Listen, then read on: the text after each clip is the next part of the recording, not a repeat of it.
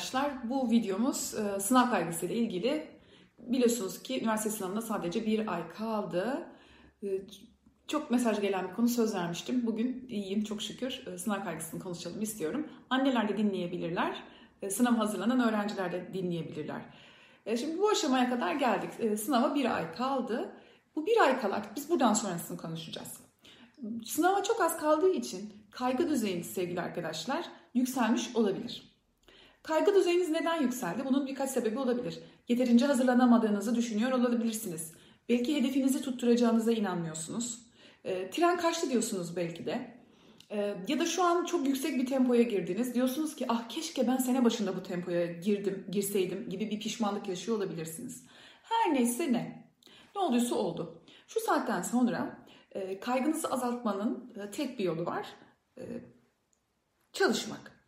Ama biliyorum ki eğer tren kaçtı diye düşünüyorsanız çalışmazsınız. Çalışmadıkça kaygınız daha çok artar.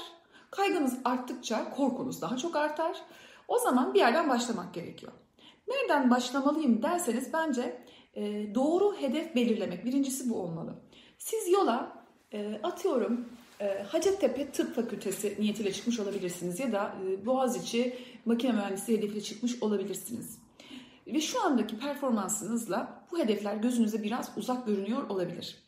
Ve nasıl olsa olmayacak diye de moraliniz bozulmuş olabilir. O zaman daha gerçekçi hedef belirleyeceğiz. Yani şart değil. Her ne düşünüyorsanız, eğer onu ulaşamayacağınızı, bu bir ayda da e, açığı kapatamayacağınızı düşünüyorsanız e, öncelikle hedefinizi bir gözden geçirin. Çünkü yanlış hedef e, motivasyon kaybına sebep olur. Hedefiniz yanlışsa hem bir ay kaldı diye paniksinizdir hem de dersin başına oturduğunuzda canınız sıkılıyordur ve çalışamıyorsunuzdur. Neden çalışamıyorum sorusunun cevabı aslında burada gizli. Neden çalışamıyorsunuz? Çünkü e, inanmadığınız bir şey için çaba harcamazsınız. Hiç kimse inanmadığı bir hedef için uğraşmaz. Öncelikle gerçekçi hedefe geldik. İkincisi e, inanmak çok önemli arkadaşlar. İnanmanız lazım. Yani tamam bunu ama bu olur. Buna inanmanız lazım. Ama belki hepsinden önce söylemem gereken bir şey vardı. Onu önce söyleyeyim. E, düşünce şeklimizi değiştirmek zorundayız. Bunu sevgili annelere de söylüyorum. Sınava girecek olan kardeşlerime de söylüyorum. E, bu sınav çok önemli. Düşüncesini bir tarafa bırakmamız lazım. Evet bu önemli bir sınav. Ama böyle hayatın bu sınava bağlı. Oğlum kızım böyle motivasyon cümleleri zaten çocuklar bunu okullarda o kadar çok duyuyorlar ki. Öğretmenler sürekli gelip gidip çok çalışmanız lazım. Kafasız mısınız siz? Aklınız başınıza gelmedi. Hala aklınız bir karış havada. Hayatınız bu sınava bağlı. Siz hala gezip tozma dersindesiniz diye sürekli gelen hoca, giden hoca sürekli zaten bu çocukları hırpalıyor. Hani hayatınız arkadaşlar, sevgili arkadaşlar bir kere hayatınız bu sınava bağlı değil. Bunu unutmayın. Hayatınız hiçbir şey, hayat böyle bir şey değil ki. Hani bir sınava gireceğim ve hayatım kurtulacak. Ee, hele hele bu zamanda, hele hele bu zamanda, hele yaşadığımız, içinde bulunduğumuz çağda. Eskiden belki şöyle bir şey vardı. Üniversiteye gitmek hayatınızı en azından ekonomik olarak kurtarmanız için yeterli oluyordu. E, herhangi bir üniversiteye gidin. Yani isterseniz e, arkeoloji mezunu, sanat tarihi mezunu olun. E, iş bulamıyorsunuz diye bir şey yoktu. Başka sektöre giriyordunuz. Bankacı oluyordunuz mesela. Orada yükseliyordunuz. Bir banka genel müdürü olmanız engel değildi sizin arkeoloji. Yeter ki bir 4 yıllık fakülte mezunu diploması olsun. Ama şu anda çok gereksiz mesleklere açıkçası ben şahsi düşüncemi söyleyeyim. E, şu anda mesela işte biliyorum işte şehrinizde küçük bir Anadolu şehrinde işletme okuyup 4 yıl orada e, para ve zaman ve emek harcayana kadar bence hayatın içinde bir takım kurslarla ve beceriler kazandırıp hayatın içinde çalışıp aktif olarak aktif olmak, üniversiteyi de işletme okuyacaksanız açık öğretimden okumak bana göre daha mantıklı. Yani o diplomayla hemen siz ciddi bir yerde düzgün bir maaşla iş bulmayı düşünüyorsunuz. Her gün bakıyoruz haberlere. İşsiz mühendis oranı belli. E, iktisat, işletme bu e, İktisadi İdari Bilimler Fakültesi mezunlarının durumu ortada. Hani illaki ben de 4 yıllık bir yere gideceğim. Elimde bir diploma olsun. Gidin açık öğretimden alın. O kadar hani abartılacak bir şey olduğunu düşünmüyorum. Hele hele o da olmuyorsa özel üniversitelere çuval çuval paralar döktürtmenin. Da bunlar benim şahsi kanaatlerim. Ben paylaşıyorum. Ee, hani şöyle gözlüyorum çünkü. Ee, hani ağaç yaşken eğilir. Bir an önce bir meslek edinmeye. Çünkü bugün siz e, işletme mezunu olsanız bir mesleğiniz olmuyor elinizde. Ya da siz bugün bir kamu yönetimi mezunu olsanız elinizde bir mesleğiniz olmuyor. Ya da orman mühendisi olsanız KPSS'ye hazırlanıyorsunuz. Orada da belli yani bekleyenler, e, atamaların ne sıklıkta olduğu belli. E, gireceğiniz sarmal belli zaten ne sarmala gireceğiniz. Ama öbür türlü daha yaratıcı fikirler, çok değişik meslekler var. Çok değişik beceriler kazanabilirsiniz.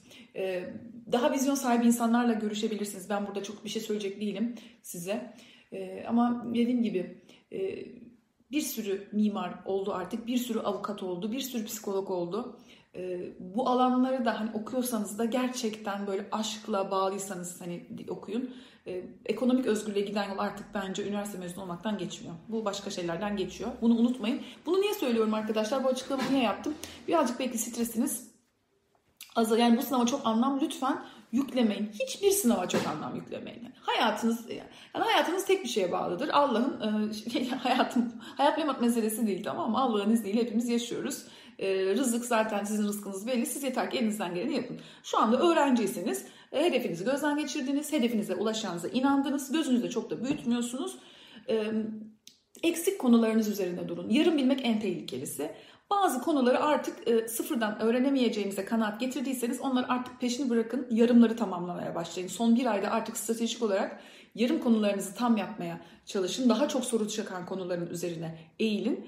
E, çok test çözmeli miyim? Açıkçası ben bu çok test çözme olayına da inanmıyorum. Günde 300 test çözmek, 500 test çözmek beyninizi de zaten esnek düşünmekten yoksun bırakıyor. E, çok test çözme olayına valla ben açıkçası taraftar değilim. E, beyni köreltiyor çünkü. E, özellikle ilk bu sınavın ilk şeyi ayağı esnek düşünmenizi gerektiren bir sınav. Aslında ikinci ayağı da öyle bakmayın siz. Yani esnek düşünemeyenin çok başarılı olabileceği bir sınav değil. Esnek düşünmek hayatınızın her alanında size lazım. Testlerde aşırı test çözmek de aşırı oyun oynamak gibi beyninizi e, yorum yapma kapasitesini, analiz kapasitesini düşürüyor. E, mesela benim çok iyi, şöyle örnek vereyim size arkadaşlar. Kek yapmayı biliyorum ben. Ama daha iyi kek yapmak için günde 3 kere kek pişirmeme gerek yok. Yani bu kek böyle yapılıyor. Bir tarif var ve bu kek böyle yapılıyor. Ama e, bu kek tarifini unutmayacak kadar bir kek pişirmem yeterli benim. Eğer 6 ay kek pişirmezsem o keki ezberden unuturum. 3 ayda bile unuturum. Hani siz böyle hani e, pratiğinizi kaybetmeyecek kadar. Ve konu okuyun lütfen. E, konu okumak çok önemli. Defter okumak, not defterlerinizi okuyun. E, test çözmek, öğrenmenin bir yolu olarak görmeyin. Ee, sınav günü geldi. Çok heyecanlısın. Arkadaşlar heyecan normal.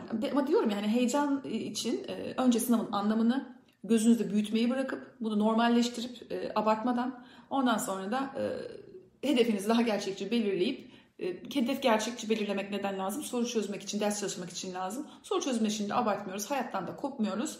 Şunu unutmayın. Başarı duygusu başarmanın yarısı Moral ise yarısı bilgidir tamam mı? Yani moralinizi de yüksek tutun. Arkadaşlarınıza gidin bir kafede oturun. Anneler size izin verin yani. E, suyunu çıkartmadığınız sürece tabii ki arkadaşlar. Arada bir dizinizi izleyin. E, hayat devam ediyor. Moraliniz yüksek olursa e, o bilgi o sınav kağıdına dökülür. Moraliniz yüksek, morali kötü arkadaşlar maalesef hani o sınavda çok iyi öğrenciler o sınavlarda kilitlenip kalıyorlar ya hep moralsizlikten. Çünkü sürekli test çözen, evde oturan, kendini hayata, arkadaşlarına e, kapatan, e, hatta çoğu gençte görüyorum o akıllı telefonlar bile yok ellerinde. Normal tuşlu telefona dönmüşler. Bir ayar olması lazım. Yani dünyadan kopmadan. Her ne yapıyorsanız dünyadan kopmadan yapmanız lazım. Sınav da bunlardan bir tanesi. E, bakıyorsunuz böyle morali yüksek, orta karar hazırlanmış bir öğrenciyle e, şeyin aldığı bu çok çalışan ve dünyadan kopan öğrencinin aldığı sonuç 3 aşağı 5 yukarı yakın gelebiliyor birbirine. Moralin önemli olduğunu unutmayın. Biraz sınav anını konuşalım isterseniz arkadaşlar. Sınavda dikkat dağınıklığı olursa ne yapacağız? Sınavda dikkat yani sınav yani bakın sınav odasına, sınav salonuna girene kadar heyecanlı olmanız çok normal. Ama şunu unutmayın. İnsan zihni aynı anda e, iki şeye birden odaklanamaz. Sorulara odaklandığınız anda korkunuz geçecektir. Bunu unutmayın. Korkunuz geçer. Hani o heyecan. Ha heyecana takılırsın. So, soruya verin kendinizi. Soruya kanalize olun. Heyecanın yerle bir olduğunu göreceksiniz. Ee, başladınız, çözüyorsunuz, çözüyorsunuz. Bir an geldi. Aynı soruyu iki kere okuma ihtiyacı duydunuz. Bu ne demektir? Dikkatiniz dağılmış demektir. Bir soruyu iki kere okuduysanız lütfen kalemi elinizden bırakın. Sağ elinizi yumruk yapın. Ve üç tane derin nefes alın. O dikkat geri gelsin. Yani okudum anlayamadım. Orada böyle daha daha daha daha daha e, onun üzerine doğru gitmeyin. Belki de bunu ikinci bir videoda sınav anını ikinci bir videoda anlatsam daha iyi olacak. Çünkü süremiz dolu 10 dakikalık İGTV videosu yükleyebiliyorum. E, bir video daha yükleyeceğim arkadaşlar. E, görüşmek üzere.